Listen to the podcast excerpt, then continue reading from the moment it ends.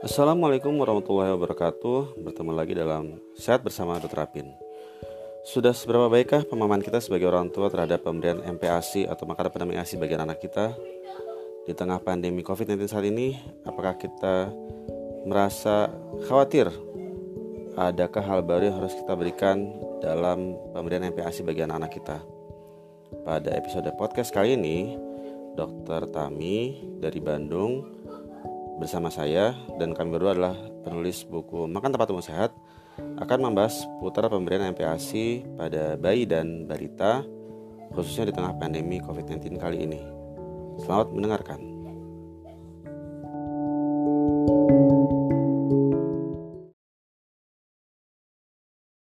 Assalamualaikum dokter.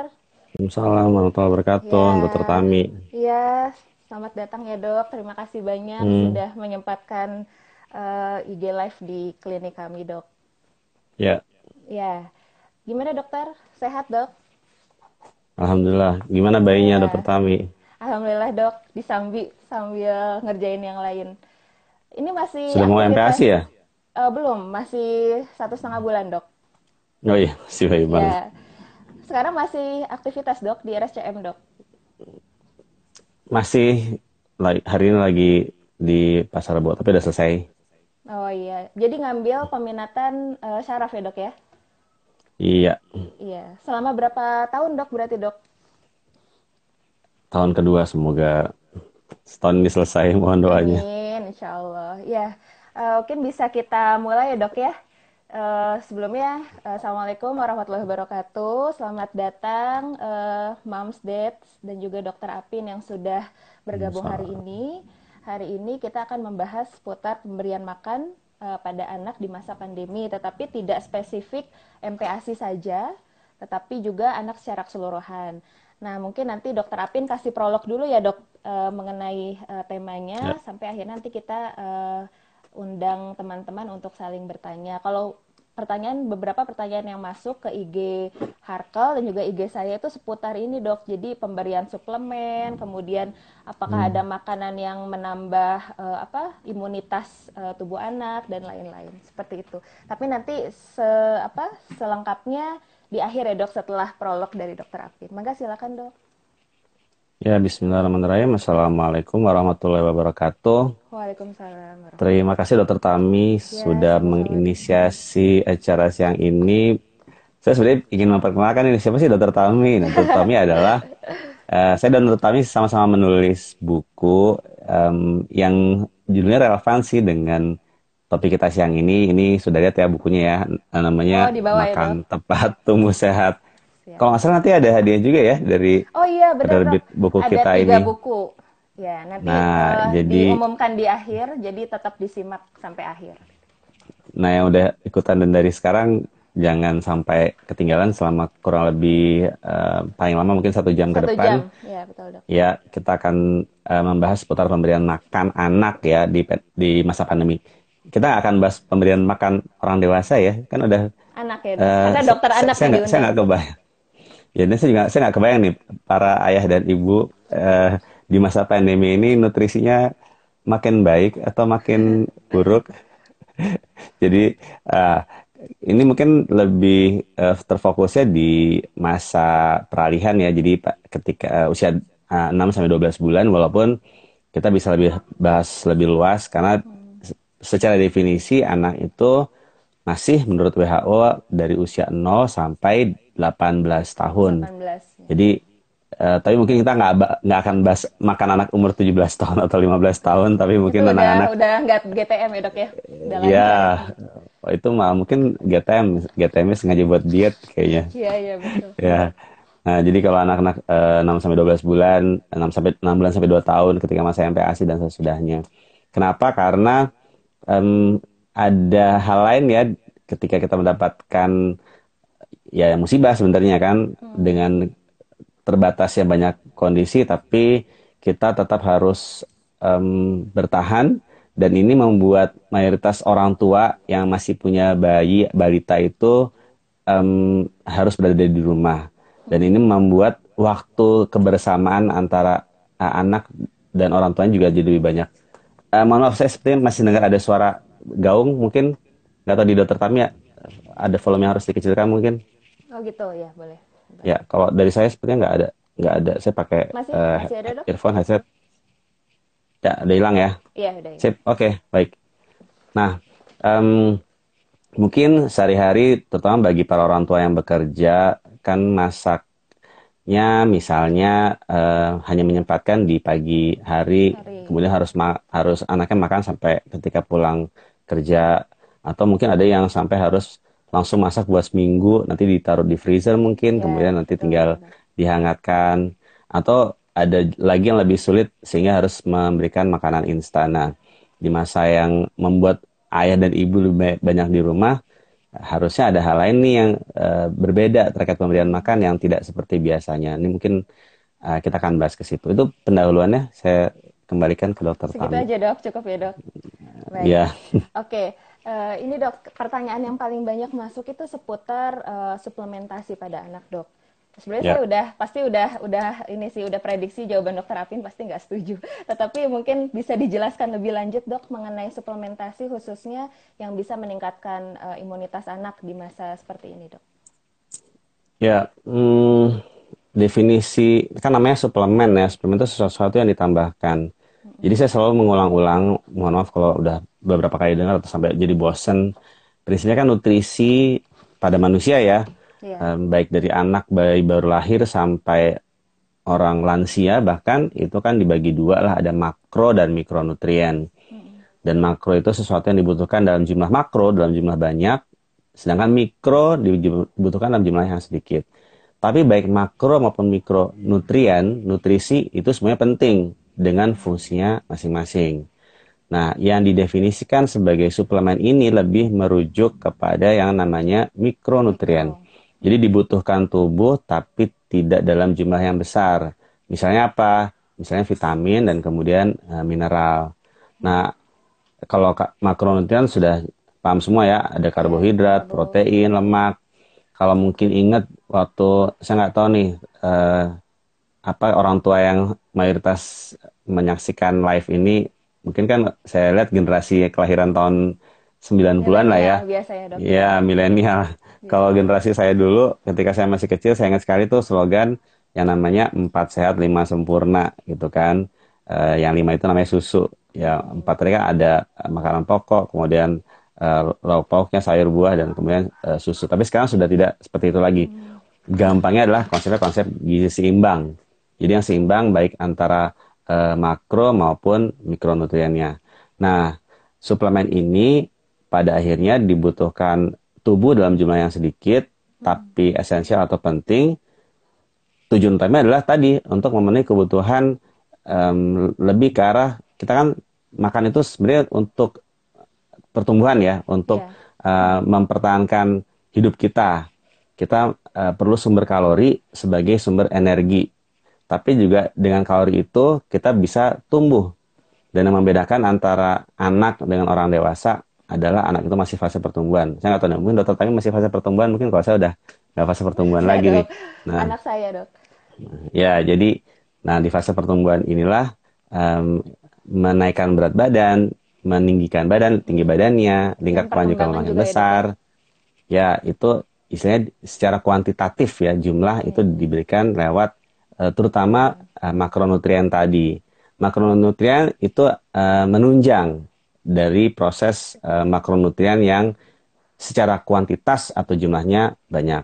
Nah, kenapa saya jamin ini muter-muter dulu? Karena saya ingin lagi-lagi menegaskan bahwa yang namanya eh, mikronutrien ini yang saya amati definisi suplemen itu lebih merujuk kepada mikronutrien itu harus tadi balik lagi ke tujuan pemberian itu sebagai apa? Sebagai penunjang dari makronutriennya dan juga eh, dia tentunya ada fungsi-fungsi lain terkait dengan masalah tadi benar dokter Tami bilang perkembangan eh, otak, ke- kognitif, kecerdasan, kemampuan bayi yang dari mulai eh, awalnya hanya bisa berbar- berbaring, kemudian duduk, berdiri, meliputi komponen motorik, motorik kasar, motorik halus, personal sosial, bahasa dan lain-lain. Itu tujuan utamanya. Tapi ternyata ada yang mencari manfaat lain. Apakah ada hubungan antara mikronutrien ini, suplemen misalnya, atau vitamin, dengan fungsi lain, misalnya fungsi meningkatkan daya tahan tubuh sehingga anak tidak mudah sakit.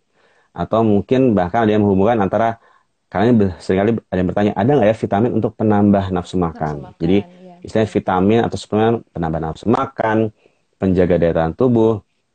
Memang ada beberapa uh, bukti ilmiah yang misalnya saya ambil contoh yang paling gampang kan zat besi ya. Zat besi itu adalah mikronutrien.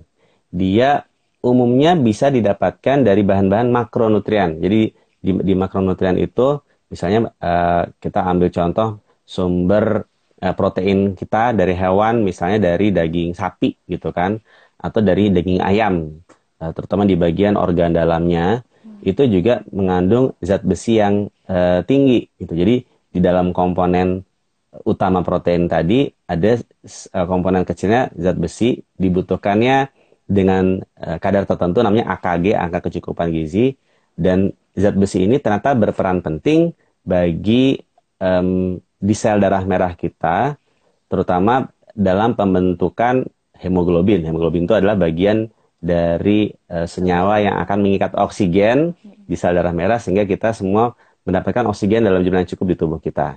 Ini salah satu peran penting dari mikronutrien. Atau misalnya uh, vitamin kan macam-macam ya, ada vitamin yeah. A, vitamin B, C, D, E, K. Ada vitamin K, itu yang berperan dalam uh, faktor pembekuan di darah. Jadi kalau misalnya kita luka, kita uh, berdarah sebentar, kemudian kita bisa membeku darah dengan baik. Nah, apakah ada vitamin atau suplemen yang memang bisa meningkatkan sistem imun atau daya tahan tubuh? Misalnya sekarang cukup menjadi uh, fokus saya amati di tengah pandemi ini, tapi lagi-lagi ini memang kebanyakan penelitiannya pada orang dewasa, yaitu misalnya vitamin D. Vitamin ini oh, iya. uh, dihubungkan ternyata um, pada mereka yang kadar vitamin D-nya cukup itu lebih jarang yang sakit apalagi sakit mengalami kondisi sakit berat akibat COVID-19 misalnya. Tapi pada dewasa nah, atau ya dari penelitiannya. Ya, Lagi-lagi masih ter, uh, terutama pada dewasa atau vitamin C, vitamin C dosis tinggi pun juga sama uh, dia menghubungkan. Maka uh, pada pasien dewasa yang dirawat di rumah sakit karena COVID-19 uh, tentunya mereka pastinya mengalami kondisi misalnya pneumonia, yeah. yaitu uh, mereka uh, ada yang diberikan tambahan seperti vitamin C dosis tinggi. Walaupun ini sifatnya belum menjadi satu uh, protokol resmi ya. Jadi kan para ahli di seluruh dunia mencari-cari apa yang bisa kita berikan uh, untuk mendukung proses pemulihan mereka yang sakit COVID-19 di rumah sakit agar tidak menjadi berat bahkan bisa pulang ke rumah atau mengurangi risiko uh, angka kematian itu. Ini beberapa contoh suplemen yang digunakan. Tapi lagi-lagi kalau kita coba baca penelitian yang ada masih lebih terbatas pada orang dewasa dan pada anak-anak belum ada belum ada. buktinya.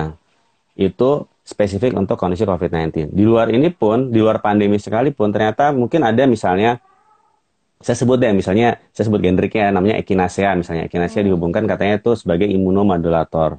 Um, se, apa, pemilik produk yang um, menggunakan bahan dasar ini, dia menyajikan beberapa penelitian, tapi tadi um, satu hal yang ingin saya tekankan di sini adalah terutama juga kita ada terutama ya ketika kita menulis buku ini kan yeah, yeah. kita benar-benar harus melihat uh, apa dasar ilmiah yang boleh kita sebagai dokter gunakan untuk memberikan anjuran ke masyarakat hmm. dan ternyata dasar ilmiah itu ada tingkat-tingkatnya ada levelnya ibaratnya seperti saya sering mengalulikan ibaratnya seperti hadis itu kan ada hadis yang sohi ada yang hasan bahkan mungkin ada yang palsu begitu pun dengan uh, kedokteran namanya evidence based. Ada yang paling tinggi misalnya namanya meta analisis atau systematic review.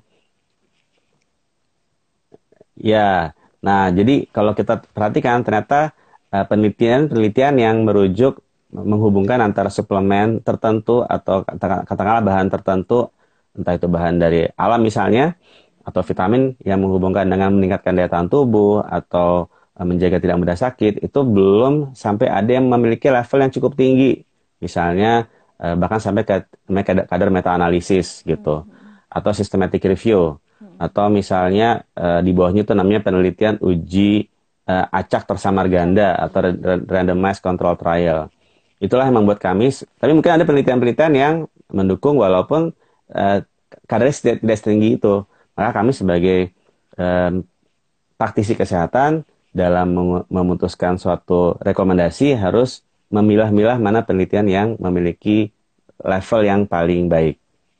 Jadi setelah saya berpanjang lebar muter-muter, jadi saya simpulkan sebenarnya uh, pada anak sayangnya masih belum ada bukti yang cukup um, kuat atau yang cukup sahih yang bisa memberikan rekomendasi suplemen atau vitamin tertentu untuk menjaga stamina tubuh anak di masa pandemi ini. Maka akhirnya lagi-lagi langkah terbaiknya tentunya sudah sering dibahas yaitu uh, mencegah supaya nggak kemasukan virus dengan tetap di rumah saja, praktek kebersihan cuci tangan yang benar, kemudian menggunakan masker jika diperlukan di luar rumah. Hal itu akhirnya menjadi langkah terbaik sambil menunggu para ahli menemukan antivirus yang mampu mengobati penyakit SARS-CoV-2 ini, juga vaksin di masa depan yang bisa mencegah agar tidak sakit uh, eh, COVID-19. Mungkin itu iya. kira-kira kesimpulannya. Baik dok, uh, dipahami ya dok. Mungkin sama uh, Mams di sini juga bisa sambil dicatat dan uh, dipahami penjelasan dokter Apin tadi. Tapi kalau misalnya dok menarik tadi tem, uh, seputar multivitamin atau suplementasi itu kalau misalnya ada uh, orang tua yang membeli itu sebagai pencegahan aja dok jadi uh, biasanya nih orang tua orang tua kan suka nggak pede cukup nggak ya uh, kebutuhan yeah. nutrisi pada hari itu gitu sehingga beliau hmm. udah beli aja deh beli untuk pencegahan daripada kurang secara mikronutrien uh, dari sisi anaknya gitu ya sehingga pertumbuhannya jadi terhambat jadi beli yeah. aja gitu gimana dok kalau seperti itu Nah, um, lagi-lagi uh, kita sebagai praktisi kesehatan harus punya dasar ketika memberikan saran. Dalam hari ini saya akan merujuk apakah ada rekomendasi dari sekian banyak uh, mikronutrien, suplemen atau vitamin yang saya uh, tahu gitu ya. Rekomendasi yang ada itu antara lain adalah rekomendasi pemberian zat besi. Itu pun untuk mencegah terjadinya anemia. Kenapa? Karena banyak anak Indonesia yang Eh, memiliki anemia gitu walaupun mungkin masih mengkonsumsi makanan yang dianggap tinggi zat besi. Kemudian ada juga rekomendasi uh, mengenai pemberian suplementasi vitamin D. Walaupun setahu saya rekomendasi vitamin D ini masih uh, belum sekuat rekomendasi hmm. suplemen zat besi ya zat besi. yang dikeluarkan oleh Ikatan, Ikatan Dokter Anak Indonesia. Jadi kalau akhirnya untuk selain dari itu, misalnya uh, ada nggak rekomendasi pemberian multivitamin A, B, C, D, E atau K misalnya uh, untuk mencegah terjadi de defisiensi vitamin tadi. Yang sudah ada adalah kan gini kita bagi dua ya vitamin itu ada vitamin larut lemak dan vitamin air. Kalau vitamin larut lemak itu vitamin A, D, E, dan K. Itu yang larut lemak. Sedangkan larut air itu adalah vitamin B dan vitamin C. Artinya apa? Apabila terjadi kelebihan di dalam tubuh maka uh, akan dibuang kalau dia larut dalam air lewat, lewat air maksudnya lewat keringat lewat seni. Sedangkan kalau uh, lemak dia akan di deposisi disimpan di dalam lemak. Sehingga um, lebih mudah sebenarnya terbuang vitamin larut di air. Kalau melebihi kebutuhan yang dibutuhkan ya airnya ya terbuang saja tuh. Jadi kalau saya bilang istilahnya nih ya, kita mahal juga ya udah beli suplemen vitamin uh, niatnya untuk mencegah katakanlah defisiensinya, tapi kemudian sudah tercukupi dari makanan, ditambah lagi suplemen dari luar, tubuh nggak butuh ya teman-teman dibuang lewat dibuang. pipisnya, lewat keringatnya. Eh, jadi ya dokternya bilang jadi mubazir. Mm-hmm. Nah kalau vitamin larut lemak tadi ini digunakan terutama pada mereka yang memiliki gangguan fungsi hati. Jadi anak-anak yang namanya penyakit itu namanya kolestasis. Oh. Nah, mereka terdiagnosis kolestasis itu direkomendasikan mendapatkan uh, pemberian vitamin tambahan tadi. Ada multivitamin yang isinya ada vitamin A, vitamin D-nya, kemudian ada vitamin E-nya. Bahkan ada beberapa yang harus disuntikkan vitamin K okay. untuk mencegah uh, defisiensi tadi. Karena kenapa? Mereka sangat berisiko mengalami perdarahan karena kekurangan vitamin K tadi. Tapi itu pada mereka yang sakit, gitu, bukan pada mereka yang uh, sehat dan ingin pencegahan itu saja. Termasuk mungkin suplemen saya sebut mungkin minyak ikan misalnya kan minyak ikan kan dianggap kan tinggi vitamin A dan vitamin D iya, dan juga omega 3 omega 6 misalnya saya berpikir kenapa nggak dikasih makan vitamin um, ikannya saja gitu. Lebih penting bagi kita untuk membiasakan makan ikannya. Uh, boleh nggak dikasih suplemen minyak ikan misalnya? Ya bagi saya selama belum ada rekomendasi dari organisasi profesi yang menekankan atau berdasarkan bukti ilmiah yang kadarnya baik maka uh, kami belum bisa untuk memberikan uh, suplemen tersebut uh, rekomendasinya. Demikian. Dok tadi kalau buat B dan C itu kan akan terbuang ya dok ya lewat air ya. seni ya. atau keringat. Tapi kan hmm. kalau yang ADEK itu kan akan disimpan oleh tubuh uh, di depos di deposit di dalam tubuh. Nah itu kalau kadarnya ya. misalnya terlalu banyak, apakah ada ada efeknya dok? Ya, um, pada ada yang menghubungkan misalnya vitamin uh, C ya. Hmm. Kalau terlalu banyak um, ada risiko uh, batu di saluran kemih. Tapi tentunya ini harus melibatkan proses dengan senyawa lainnya, misalnya dengan kalsium gitu kan. Sedangkan kalau uh, ya kebanyakan ya vitamin B yang lain gitu ya terbuang saja uh, selama fungsi ginjalnya baik. Tapi ini akan menjadi berbahaya bagi mereka yang ternyata mengalami gagal ginjal. Nanti kelebihan vitamin B dan C itu justru bisa ter terakumulasi dan tentunya sesuatu yang berlebihan uh, akan ada efek sampingnya. Termasuk yang ADEK juga ya dok ya, itu di deposit ya, di betul. Juga. Jadi nanti itu namanya uh, kondisi namanya hipervitaminosis, tapi hmm. uh, mungkin kita nggak bahas ya, ya, pada ya. siang ini ya tentang kondisi hipervitaminosis tapi ini. Tapi ternyata berlebihan pun nanti akan ada muncul gangguan lain ya dok ya? Ya prinsipnya dalam semua ada. hal, ya. baik bahkan makronutrien, misalnya kita makan hmm. karbohidrat kebanyakan, jadi apa? Nanti jadi overweight, jadi obesitas, jadi sindrom metabolik, pastinya akan ada hal-hal seperti itu. Baik, baik. Demikian. Mungkin sekarang kita masuk ke pertanyaan yang uh, yang ada di kolom komentar ya dok ya. Uh, ya betul, banyak nih pertanyaannya. Karena kita kan hanya satu jam nih, jadi tidak bisa terlalu lama. Sebentar, saya lihat.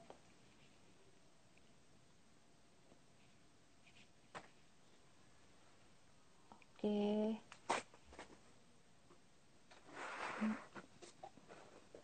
Ya, ini masih banyak yang bertanya seputar MPASI juga, dok. Oke, okay, uh, baik. Mm, Tidak masalah. Mungkin ada ada uh, ada tambahan dok seputar MPASI ya khususnya. Gitu, dok.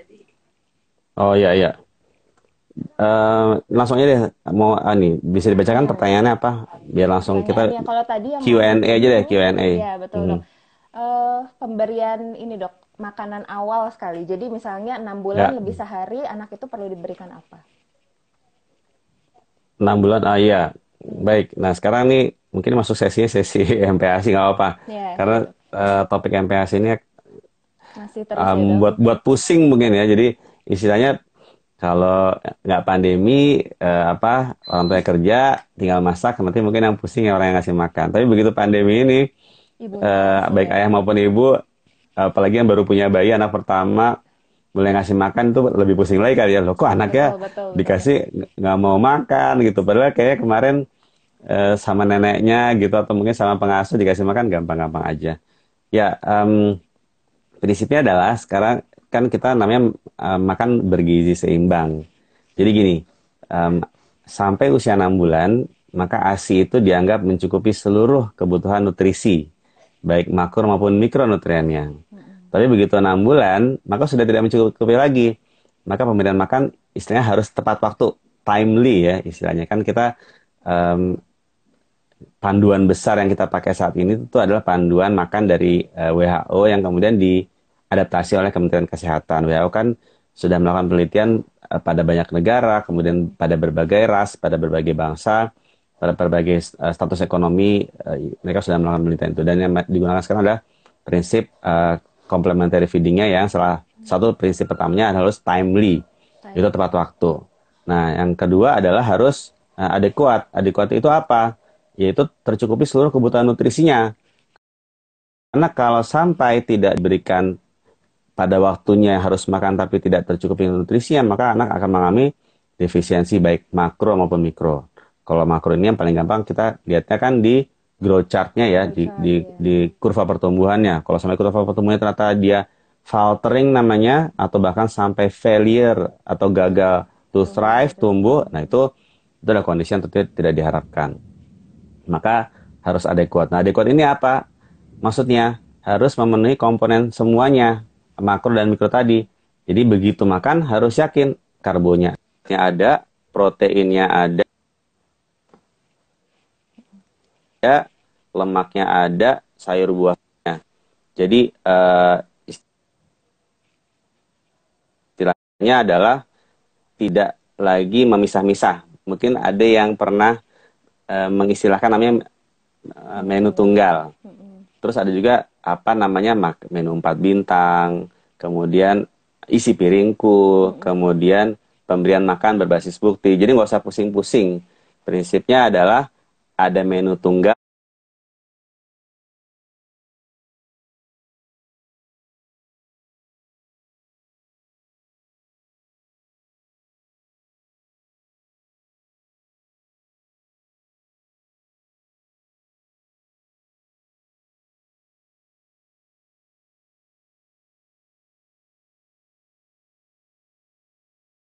dan ada menu lengkap, gampangnya seperti itu. Nah, yang lebih banyak kita praktekkan di Indonesia sesuai dengan rekomendasi dari WHO, Kementerian Kesehatan, itu namanya menu lengkap. Jadi begitu dikasih, itu langsung dapat semuanya. MPASI-nya harus dapat karbo, protein, lemak, dan vitamin mineralnya di sayur dan buah-buahan tadi. Tentunya dengan porsi yang uh, berbeda-beda gitu. Nah ini kualitas yang... juga ditanyakan dok. Betul, jadi uh, selain kualitasnya dapat semuanya, kuantitasnya harus sesuai.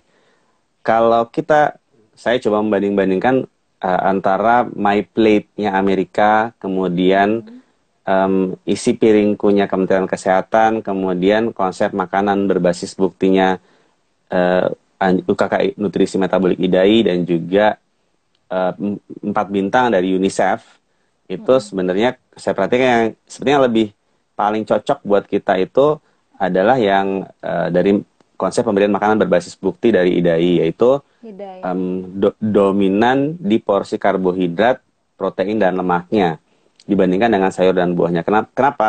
Karena ini kan punya peran penting dalam secara makro kelihatannya itu adalah anaknya harus tumbuh. Jadi dia istilah menggemukkan. Hmm. Jangan sampai dia uh, anaknya malah begitu fase MPASI malah jadi beratnya makin turun atau weight faltering. Uh, tentu ada sayur buahnya juga, ada seratnya, tapi tidak sebanyak karbo dan protein lemaknya tadi. Kalau bahasa saya itu istilahnya, kenapa sih kok dibuatnya sedikit seperti itu? Istilahnya adalah jangan sampai gara-gara anak itu kenyang sama sayur buah, malah nggak mau makan uh, karbo, protein lemaknya tadi. Padahal uh, yang kita mudah pantau di kurva itu adalah dari kebutuhan masa tubuhnya berat badannya tercukupi tinggi badannya tercapai dari kebutuhan makronutrien tadi. Tapi mungkin akan berbeda dengan kondisi ketika anak itu ternyata di usia 6 bulan sudah mengalami obesitas. Kan ada tuh. Oh, iya, masih eksklusif atau obesitas. Aja ya, dok, ya? Padahal dari ASI saja. Kenapa? Hmm. Uh, saya perhatikan sih beberapa memang cukup banyak faktor genetik juga dari orang tuanya. Hmm. Nah, itu tentunya harus harus diatur. Uh, walaupun kita nih di Indonesia kenapa tadi lebih banyak pakai yang karboproteinnya lebih tinggi itu karena, karena tadi masih banyak angka anak dengan gizi kurang, anak dengan stunting, itu yang dipakai. Tapi kalau anaknya kemudian sudah keburu overweight bahkan obesitas, maka ya kita pakainya lebih mungkin saya lebih lihatnya ke uh, model mirip seperti My Plate-nya dari Amerika atau misalnya dari Australia. Jadi lebih seimbang, sayur buahnya pun juga lebih diseimbangkan. Nah, tapi nanti kalau uh, hal lain misalnya kok mulai makan anaknya nggak mau, kok uh, ma begitu makan anaknya semelit, nah itu tuh hal-hal lain lagi yang hmm. akan kita jumpai. Iya, apa yang ada, ya, kita hadapi hari ini itu bisa jadi minggu depan sudah berubah. Apa yang kita hadapi pada anak usia 6 bulan, 7 bulan bisa beda, 8 bulan bisa berubah lagi. Jadi bersiap-siaplah menghadapi semua kemungkinan itu tentunya dengan bekal ilmu. Tapi satu mungkin pesannya jangan dibuat susah ya karena ya, nanti ya, kok kayaknya makan ngasih makan anak tuh susah banget. Dan udah pusing sama berat dok. badannya. Emosi nah ya, dokter Tami bisa apa sharing nih pengalaman dari ya, anak dok. pertama ketika dulu ngasih makan. Itu mungkin. Tadi dok, eh, kan ada anak 6 bulan yang datang sudah overweight atau obes. Tapi kalau misalnya ya. anak-anak yeah. misalnya yang tadi gagal tumbuh sehingga perlu MPASI lebih dini itu seperti apa dok? Ya ini juga harus uh, lagi-lagi sifatnya kita tuh sebagai orang tua tahu konsep pertumbuhan dalam artian tahu cara ngasih makannya yang bagus seperti apa, hmm. yang benar seperti apa, tapi kemudian juga uh, harus tahu cara memantau memantaunya. Uh, itu secara umum. Tapi pada kondisi yang individual, dokter, terutama dokter anak ya, itu yang punya peran. Misalnya, mm. wah ini yang menentukan anaknya harus makan lebih cepat usia 4 yeah, bulan. Yeah. Itu sebenarnya harusnya kompetensi dari tenaga kesehatan gitu. Mm. Uh, kenapa? Ketika WHO, Kementerian Kesehatan, Ikatan Dokter Anak Indonesia menganjurkan pemberian ASI 6 bulan baru makan usia 6 bulan, tentu itu dengan uh, pertimbangan ilmiah dari berbagai literatur sumber yang sudah menyatakan hmm. benefit atau keuntungan yang melebihi dari risk atau kerugiannya. Tapi pada kondisi spesifik, misalnya anaknya ternyata mengalami um, faltering, jadi dalam proses pertumbuhan itu semua saya minta semua orang tua itu harus tahu gimana cara baca growth chart, gimana cara baca kurva uh, pertumbuhan. Itu simulasinya macam-macam ya.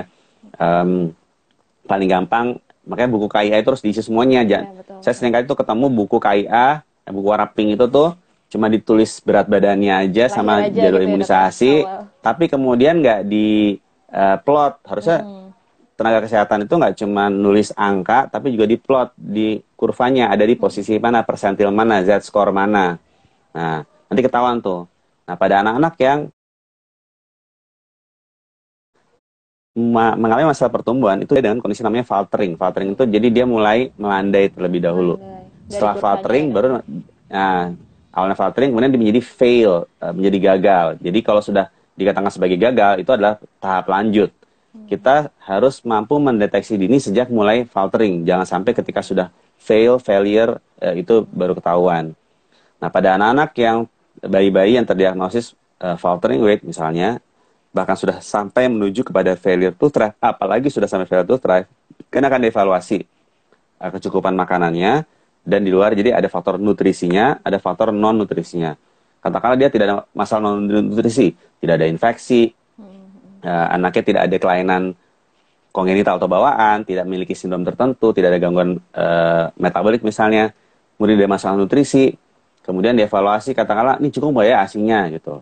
Oh ternyata asinya katakanlah cukup. Apakah perlu pemberian uh, suplementasi ASI dalam bentuk sus formula misalnya? Oh nggak perlu. Nah, hmm pada kondisi seperti inilah e, bisa jadi akan dipertimbangkan untuk pemberian MPASI lebih cepat. Yang umumnya itu biasanya bisa dimulai di usia 4 bulan. Tapi ini sangat individual. Tidak berlaku secara umum. Ini harus hmm. harus diingat dan harus membutuhkan diskusi saran dengan tenaga ya. kesehatan yang paham. Itu pun harus objektif dengan menggunakan growth chart hmm. yang ada di buku KIA atau mungkin pakai aplikasi Primaku juga nggak masalah. Hmm. Nggak boleh pakai mata mata meter itu nggak boleh subjektif itu tidak boleh. Dan bayinya pun harus siap. Jadi ketika dokter ngasih saran MPASI dini pastinya orang eh, ad, anaknya sudah punya kemampuan tadi yang timely. Yeah. yaitu secara motorik dia bisa makan. Tanda paling mudahnya adalah kalau dia didudukan eh, bayi kan umur 4 bulan belum bisa duduk sendiri tapi kalau didudukan dia udah nggak head leg. Head leg tuh kalau dilepas gitu dia jatuh ke belakang. Tapi kalau dia masih dilepas begini juga dia masih goyang-goyang tapi dia tegak gitu dia udah nggak head leg. Hmm. Itu salah satu cara kesiapan untuk makan. Yang kedua adalah dia tertarik untuk makan. Jadi biasanya tuh kalau lihat uh, sendok, lihat orang tua yang makan gitu tuh udah ya. pengen ngeliatin gitu ngeliatin terus kayak pengen a a a a, a gitu. Makanya uh, banyak um, masih nih anak saya udah umur lima bulan apa nggak boleh makan ya dia kira saya makan tuh udah pengen banget makan. Hmm. Nah itu uh, bisa tapi kalau dia nggak terindikasi untuk diberikan MPASI ini ya jangan diberikan dulu sebenarnya. Dan uh, tadi apa anaknya um, jadi secara sosial dia siap lihat orang lain makan dia mau, kemudian secara uh, kognitif Postur motorik dia nggak head lag mm -hmm. ya. Yang terakhir adalah ya harusnya dia anak yang tidak memiliki gangguan pencernaan sehingga pencernaan pun siap untuk diberikan makan uh, di usia lebih dini. Tapi ini kondisional ya, uh, khusus tidak pada sebagian besar anak. Ya, ya, Demikian. Ya. Soalnya tadi ada yang bertanya tentang uh, tadi dok MPASI dini. Tadi udah terjawab ya. ya, berarti sangat kasus per kasus ya dok ya, tidak bisa ya. disamaratakan ya. semua anak. Tetap harus hmm. konsultasi dulu ke tenaga kesehatan atau ke dokter anak. Seperti itu. Terus uh, mungkin tentang GTM dok, ini juga banyak pertanyaan yang masuk jadi seputar gerakan tutup mulut gitu. Jadi ketika yeah. anak mulai nggak mau makan, apalagi sekarang kan masa-masanya udah bosen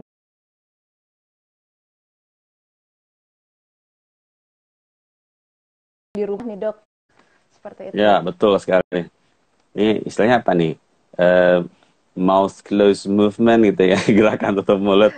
ya nih istilahnya uh, apa? Kalau saya lihat tuh kalau kita baca kita browsing itu ada beberapa ini kan istilah terjemahan lah ya. Hmm. Nah, mungkin namanya picky eater. Jadi dia, tuh makannya uh, memilih-milih. Gitu ya. Hmm. Nah, ternyata betul.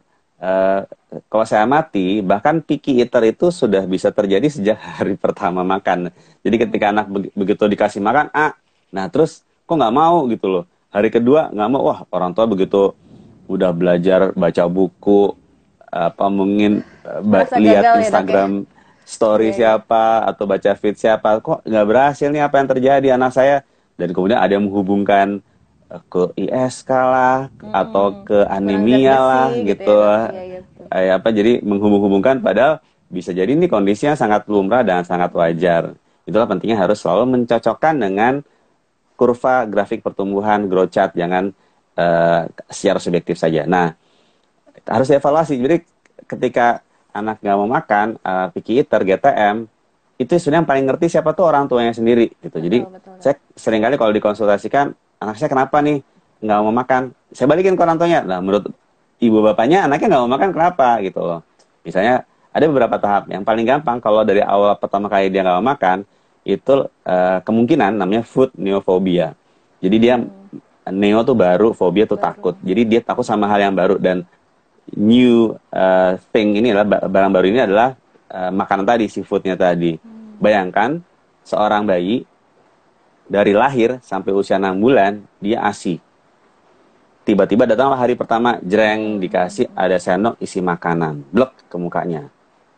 Anak, jangan salah ya, anak dengan kognitif normal, anak pinter, itu kan bayi pinter ya, dia tuh tak bisa ngira-ngira, ini apaan sih? Kenapa barang ini harus masuk ke mulut saya? Bisa jadi mungkin akan berpikir seperti itu atau mungkin ih seram amat ya warnanya misalnya hijau hijau lumut atau kuning kayak kemasan misalnya. Dia lihat ini apaan nih banda asing nah itu harus dimaklumi. Padahal anaknya bisa jadi dia uh, lapar dan dia siap untuk makan. Salah satu cara untuk mengakalinya adalah ciptakan kebersamaan ketika makan. Makanya uh, di dalam konsep pemberian makan tadi kan ada timely harus tepat waktu kemudian adequate adequate pada kuat uh, ter terpenuhi kemudian safe uh, harus apa mak karena makanan juga terjamin kebersihannya. Nah di di konsep yang uh, disebut sebagai makanan yang adequate tadi itu kita menggunakan konsep lagi-lagi dari WHO itu namanya responsive feeding pemberian makan yang responsif artinya apa? Ketika anak merespon nggak mau makan maka orang tua pun harus merespon juga kira-kira gimana ya supaya anaknya mau makan ternyata salah satu cara supaya anaknya mau makan itu adalah adanya kebersamaan jadi dalam konsep responsive feeding, makan itu adalah makan bersama. Jadi bukan bersama ini tidak sekedar menghadirkan sosok orang tuanya makan, nyuapin anaknya, bahkan kalau perlu tuh satu anak nih dikerubutin sama bapak, ibu, yeah, nenek, yeah, kakek semua ngasih makan. Tapi yang makan si anak sendiri, si bayi umur 6 bulan itu sendiri. Mereka si bayi ini jangan-jangan juga pengen lihat kakeknya, neneknya, ibunya, bapaknya itu sama-sama makan. Begitu dia makan juga ya dok ya, melihat, ya, mencium. Betul. Jadi istilah dia tidak merasa sendirian gitu loh. Oh ternyata hal yang baru ini hal yang sama-sama dilakukan oleh orang tua saya. Uh, saya makan dengan sendok yang mirip dengan orang tua saya makan. Saya makan dengan piring yang sama dengan orang tua saya makan. Saya makan sama-sama duduk dengan mereka. Saya melihat mereka menyuapkan itu ke mulut mereka. Jadi dia oh ada temannya ya. Nah ini bisa jadi akan buat dia mau makan dan menghindari namanya food neophobia ini. Nanti begitu berlanjut beberapa minggu nanti lain lagi ceritanya. Lagi. mungkin dia nggak nggak mau makan gara-gara bosan. Nggak mau makan gara-gara mungkin kok piringku beda sih sama piring ibuku gitu. Nggak mau makan karena aku pengen, pengen punya sendok yang logam nggak mau pakai sendok plastik. Mungkin dia akan berpikir seperti itu. Atau bahkan ini yang paling sering nih. Mau pagi mau siang mau sore mau minggu ini mau minggu depan mau bulan kemarin bulan sekarang itu kok makannya nasinya ditim terus ya dicampur jadi satu. Padahal mungkin dia pengen lihat tuh makanan tuh ada putih-putih nasinya ada coklat tempenya Yang atau ayamnya. Ya, iya dia nggak mau dicampur gitu loh. Cuma orang tua kan nggak ngerti karena dia juga belum bisa bicara. Nah inilah pentingnya orang tua. Dan mayoritas ya. GTM itu ternyata berawal dari hal-hal yang mungkin sederhana seperti ini. Tapi lain lagi ceritanya ya kalau misalnya anak kita GTM di growth chartnya dia ternyata mengalami gagal tumbuh atau failure to thrive. Nah, itu itu masalah lain lagi. Mungkin kita nggak nggak bisa sekedar berpikir di GTM saja karena GTM itu lebih cenderung disematkan pada anak sehat tanpa penyakit. Jadi istilahnya uh, anak ujung-ujungnya kalau lapar pasti makan maka dia tumbuh. Walaupun makannya kok dikit amat ya kok makannya itu itu aja maunya ya. Nah, kalau sampai dia mengalami faltering weight atau bahkan menjadi failure to thrive apalagi menjadi stunting maka itu adalah bukanlah suatu kondisi yang uh, normal. Jadi kita nggak cuma sekedar berpikir ini sekedar uh, GTM picky saja harus cari faktor-faktor lainnya apa saja. Dan itu sudah terdeteksi dini kalau kita benar-benar mencatat semua dan memplot semua di grow chart anak tersebut. Berarti dokumentasi dok uh, dari lahir ya. sampai berarti sampai terus ya dok kalau misalnya di KIA itu uh, ada yang sampai ya. 2 tahun ada sampai lima tahun gitu ya dok ya tetap harus ya. plot ya betul dok tadi berarti seputar GTM yang sebetulnya sih lagi-lagi uh, kembali ke proses belajar makan anak ya dok ya jadi dievaluasi tidak hanya uh, dari menunya saja tapi juga mungkin psikologis anaknya dari ya. lingkungannya dan lain-lain gitu betul dan yang belajar ini bukan anaknya ya. Yang belajar tuh orang tuanya juga. Orang tua belajar memahami anak saya ini maunya makan apa. Orang tua belajar cara baca grafik pertumbuhan. Bahkan orang tua belajar cara mengolah masakan dengan berbagai cara tadi karena biasanya dok tadi kan dokter bilang harusnya tuh ngeriung gitu ya dok ya. Jadi makannya tuh bareng ya ngeriung betul. soalnya kalau sekarang hmm. tuh ibu-ibu tuh biasanya nyuapin anak dulu sampai udah habis baru ibunya ikutan makan. Nah, padahal nanti nah. ibunya udah keburu lapar malah nanti ikutan emosi kan karena anaknya nggak mau nggak mau makan. Biasanya ya, betul, gitu betul. dok yang yang terjadi. Wah, betul juga nih saya nggak pernah kepikiran nih. Ibu-ibu tuh emosi gara-gara keburu jadi lapar udah, nyuapin anaknya. Jadi udah lapar jadi, jadi gahar gitu dok. Tambah eh, jadi supaya supaya nggak gahar nih para ibu-ibu hmm. uh, apa jangan ngasih makan anak lagi lapar ya jadi anak lapar ibu jangan, jangan sampai ya. lapar betul betul sebetulnya kita makan yeah, yeah, aja yeah. nanti anak melihat juga kalau bahasa Sundanya itu kabita dok jadi justru yeah, yeah. karena kita ngelihat uh, proses makannya tadi ya yeah, iya yeah, betul betul sekarang kita yeah, masuk yeah. lagi ya dok tentang mengemut huh? dok ini uh, banyak nih anak-anaknya uh. yang proses makannya itu diemut. Nah itu apakah yeah. memang ada kondisi yang uh, biologisnya, maksudnya medis atau kok memang uh, psikologis aja? Seperti apa dok? Baik. Nah itulah kita belajar memahami bahasa bayi ya. Hmm. Jadi yang paling sering nih kalau anak ngemut kan semua kan introspeksi nih. Misalnya seumur umur nih nggak pernah ngemut kok tiba-tiba sekarang jadi ngemut terus. Ya anaknya mungkin ketika dipantau di grow chartnya tumbuh gitu. Tapi kok dia ngemut? Dari satu sisi kita tenang karena dia tumbuh tapi dari sisi lain anak ini makannya nggak oke nih gitu nggak sesuai harapan. Jadi evaluasi. Yang paling sering adalah tadi anak itu sebenarnya dia udah bosan sama makanannya. Atau mungkin makan itu sebagai suatu hal yang rutinitas belaka. Jadi bisnis as usual saja. Uh, ya makan untuk mempertahankan hidupnya lah gitu. Uh, ya bangun tidur, mandi, nyusu, makan, main, tidur lagi, makan. Mungkin berarti seperti itu kalau dia bisa cerita gitu kan. Bahkan kalau gitu kadang-kadang ya kalau sudah ada distractor, sudah ada pengalih lain bahkan dia uh, mungkin sambil mengemut makan sambil lihat TV atau sambil uh, keluar rumah mesti digendong lihat ada apa yang kucing atau apa kan keliling komplek uh, tapi ternyata cuma habis dua suap gara-gara dia mood terus nah jadi jangan tadi kita harus evaluasi gimana caranya supaya anak itu semangat buat makan? Makan itu sesuatu yang menyenangkan. Jangan salah anak-anak dari usia bayi bahkan mungkin 6, 7, 8 bulan itu sudah bisa diajak untuk milih makanan. Dia maunya milihnya makanannya yang apa? Piringnya yang mana? Warnanya apa? Rasanya apa? Makannya sama siapa? Makannya jam berapa? Mungkin dengan seperti itu dia nggak akan ngemut. Anaknya masih kenyang baru dikasih makan. Anaknya happy happy sih dikasih makan. Cuma dia mood karena dia, dia belum lapar lapar amat. Udah baru dikasih makan. Atau anaknya mungkin lagi nggak pengen makan nasi. Maunya selain nasi. Tapi dia kan bisa cerita kan? Jadi begitu nasi dia, dia mood gitu. Begitu dikasih kerupuk misalnya atau sama uh, oatmeal atau mungkin dia punya kakak. Kakaknya anak masih sih kakak makan cornflake atau makan coco crunch misalnya. Ya dia juga pengen nyobain atau french fries gitu uh, ya coba dilihat jangan-jangan dia maunya makan seperti itu. Apalagi kalau ini anak punya kakak uh, punya saudara kandung yang jaraknya mungkin nggak jauh beda itu lebih ini lagi nih lebih nggak mau kalah lagi lebih kok makanku dibedain sama makanan kakak. Jadi harus harus ngatur strategi juga tuh kalau makan seperti itu. Itu yang paling sering buat anak uh, itu mengemut. Karena sebenarnya dia bosen. Jadi kita harus ngerti bahwa gimana supaya dia nggak bosen sama makanan yang kita sajikan ke anak itu. Ya tentang mengemut berarti ya dok. Kemudian tentang ini dok ada juga uh, sembelit hmm. atau pup keras ya. itu ada beberapa pertanyaan juga, uh, terutama ya. pada awal-awal MPASI katanya seperti itu dok. Ya, uh, sembelit ya. Jadi sembelit itu um, bisa terjadi pada periode MPASI, entah di awal dan memang seringnya di awal atau bahkan di tengah atau bahkan mungkin di akhir. dan ini sering kali tidak berhubungan dengan jenis makanannya.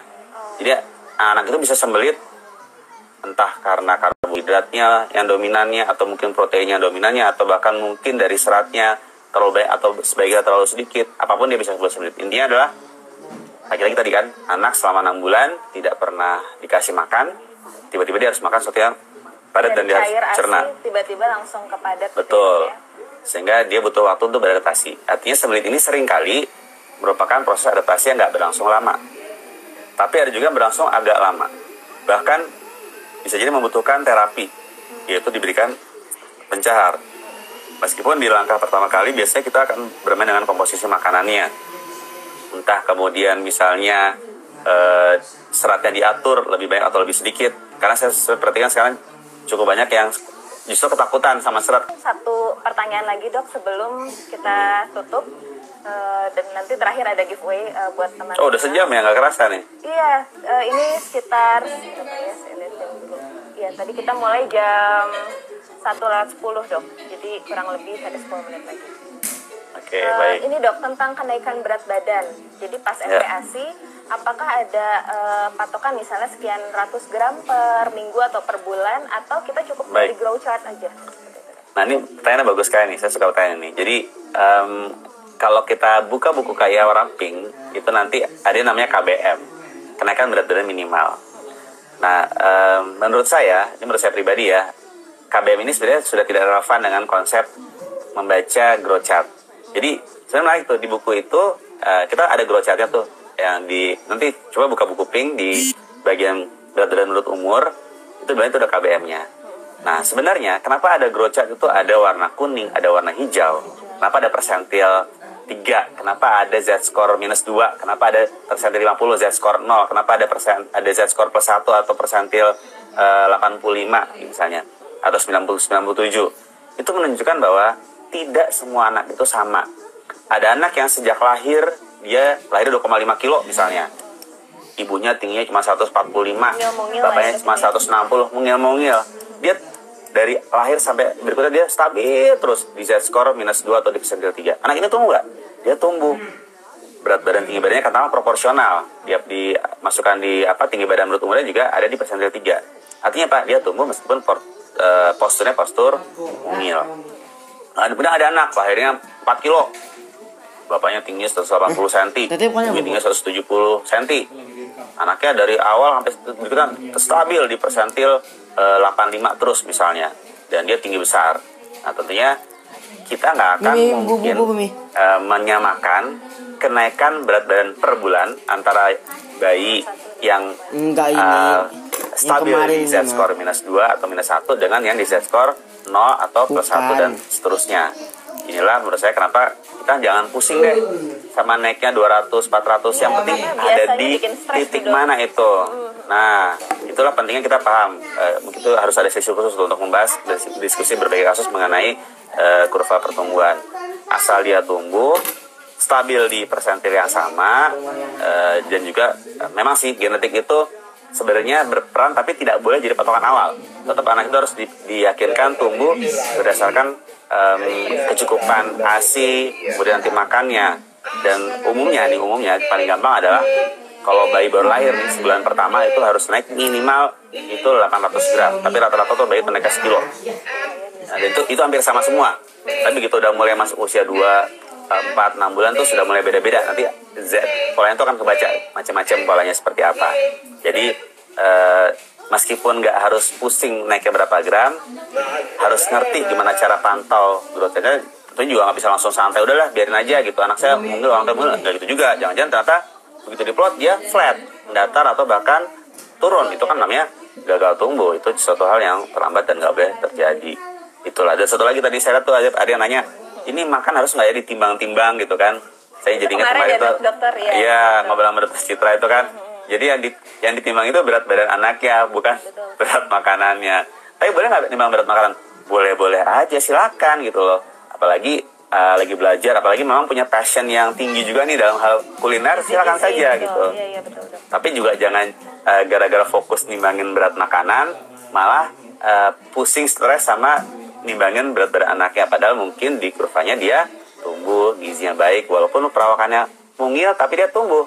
Jadi kan anak itu harus tumbuh normal perkembangannya dan sehat aktif. Jadi nggak sebenarnya udah deh anak saya biar aja uh, mungil. Tapi anaknya uh, pinter. Ya kalau anak gagal tumbuh masalah. Atau ya mungkin anak saya nih apa kegendutan badannya jadi dia belum bisa diri sendiri eh, apa duduk sendiri. Ya, ya juga kan lihat juga milestone-nya itu apakah ya nah itu makanya kan di buku kita ini dokter Tami ya uh, udah ada pertumbuhannya udah ada perkembangannya.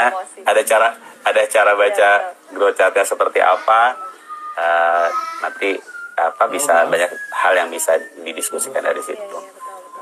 Ya, gitu. jadi intinya uh, tidak semua anak tuh harus ada di garis hijau itu ya dok ya? Di betul nah itu di, itu, apa, itu kata kuncinya. ya, berarti yang nol, jadi berat badan tinggi normal bukan di garis hijau bukan di persentil 50 uh, boleh aja stabil di persentil 3 tapi dia tumbuh gitu. Uh, dan nggak bener juga kalau dia di persentil 97 tapi ternyata dia uh, obesitas. Bahkan nggak bener kalau dia di, di Z score 0 atau di garis hijau awalnya dia gede terus nih uh, persentilnya 85 terus tingginya pun juga sama. Tapi begitu suatu saat dia melandai motong di hijau. Ya, dia posisi sama-sama di garis hijau tapi dia bisa jadi mengalami gagal tumbuh karena titik awalnya starting pointnya bukan di score 0 itulah uniknya dalam memahami uh, pertumbuhan mudah-mudahan nggak ya, apa ibu-ibu jangan makin pusing dan makin stres ya jangan dibuat stres juga dok, insya Allah dipahami. gitu Baik. Nah, mungkin sekian dulu dok dari pertanyaan ibu-ibu. Uh, mohon maaf ya tidak bisa semuanya dijawab karena uh, saya carinya yang lebih spesifik mengenai tema hari ini. Uh, mungkin sekarang uh, saya akan bagikan satu uh, buku. Nah, buku yang dipegang dokter Apin ini judulnya uh, Makan Tepat Minggu Sehat. Uh, ini salah satu buku yang diterbitkan oleh penerbit Kata Depan. Terima kasih banyak Mbak Gita dan teman-teman Kata Depan. Uh, sekarang saya akan uh, mungkin ada pertanyaan ya dok ya nanti saya akan bertanya yeah. kemudian nanti cepat-cepatan nih siapa yang bisa jawab uh, dengan cepat dan tepat nah dua buku lagi tepat. Uh, ya jadi ada dua buku makan tepat dok yang akan dibagikan dan satu buku yeah. dia uh, itu tentang uh, judulnya itu mahkota perempuan dia Mustahil yeah, yeah, yeah. uh, of Jin gitu. Jadi seputar pengalaman-pengalaman beliau menghadapi pasien-pasien uh, kebidanan kandungan yang juga diterbitkan yeah. oleh kata depan seperti itu. Oke, jadi pertanyaannya adalah mungkin ada ini dok ada uh, usul pertanyaannya supaya uh, ibu ada deh. siap-siap uh, ketik ini betul aja yang jelas nih oh, gitu. kesempatannya langka nih jadi harus jangan sampai tinggalan. Eh iya, iya. silakan. Yeah, Oke, jadi pertanyaannya adalah uh, sebutkan prinsip-prinsip uh, pemberian MPASI pada anak seperti itu. Prinsipnya tadi udah dijelasin sama dokter Apin ya. Ada hmm. empat ya dok ya. Ya. Tuh, nanti kalau misalnya yang paling cepat nanti akan saya pin dan uh, akan saya hubungi lewat uh, apa DM-nya. Oke? Okay? Ada yang udah jawab belum ya? Prinsip MPASI, pemberian MPASI. Tadi dokter Apin sudah sebutkan ada empat uh, itu Mbak ini baru adekuat tepat waktu Tuh, ada iya, ayo. Ini yang bisa jawab uh, sempurna ya ada empat responsif ini bisa digabungin sebenarnya. Soalnya jawabnya satu. Tuh, udah banyak kasih bocoran tuh, kasih bocoran tuh ini atas atas. Boleh digabungin, jadi ada empat apa aja adekuat tepat waktu, tegak badan. Iya, ayo. Oke, tegak kepala, ya tepat. Nah, ini, ini kasih bocoran nih. Kalau ada yang ada yang ada yang punya waktu boleh uh -huh. nyontek boleh browsing di Jadi Google. Ada, nih Ibu Hadiah Nova, betul ya dok ya? Adequate, safe, tepat waktu dan responsive feeding. Betul kan ya dok? Ada empat. Safe yeah, feedingnya uh, aman ya atau uh, secara pengolahan dan penyiapannya aman. Selamat Ibu Hadiah okay. Nova, nanti insya Allah di uh, DM uh, dan akan dikirim oleh teman-teman uh, kata depan seperti itu. Mungkin sekian dok uh, IG ya. Live hari ini. Terima kasih Baik. banyak sudah dikucurkan ilmu yang begitu melimpah hari ini tentang uh, pemberian nutrisi uh, khususnya pada masa pandemi. Uh, intinya uh, kalau boleh saya rangkum tetap uh, perlu ini ya dok ya. Jadi uh, perlu uh, apa informasi yang sesuai dengan basis buktinya atau sesuai dengan EBM ya, ya dok ya uh, bukti ilmiahnya. So. jadi jangan sampai kita memakan iklan atau misalnya tetangga beli ini kita ikutan beli dan lain-lain. Jadi impulsif buying itu uh, intinya uh, terima kasih banyak untuk mam semua yang sudah bergabung hari ini. Uh, semoga ilmunya bermanfaat, anak-anak kita juga tumbuh sehat, uh, yeah. tumbuh kembangnya baik, sempurna. Terima kasih juga Dokter Apin, semoga uh, ilmunya uh, berkah, uh, semoga studi juga lancar ya dok ya. Amin. Bisa lulus Amin. berarti tahun depan ya dok ya? Amin. ya, Insya Allah ya tahun ini lah atau ini akhir tahun ini ya. ya jadi nanti seputar kejang demam epilepsi itu nanti dokter Apin ahlinya nanti bisa lebih spesifik lagi ke dokter Apin uh, mudah-mudahan juga uh, ibadah Ramadannya uh, lancar berkah Amin. dan mudah-mudahan pandeminya segera berakhir ya dok jadi kita Amin. bisa mengadakan diskusi lebih banyak lagi gitu tuh ada yang pesan itu dok apa mohon di save live ID-nya ya, tuh ada pesan dari ya, ya. Oke okay. Ya betul. Waktunya baik. 20 detik lagi dok sebelum okay, berakhir. Baik. Terima kasih Sip. banyak teman-teman dan dokter Apin. Saya selaku ya. host uh, mohon maaf apabila ada ya. kesalahan. Assalamualaikum okay, sama-sama. Terima kasih. Waalaikumsalam warahmatullahi wabarakatuh. Sama-sama.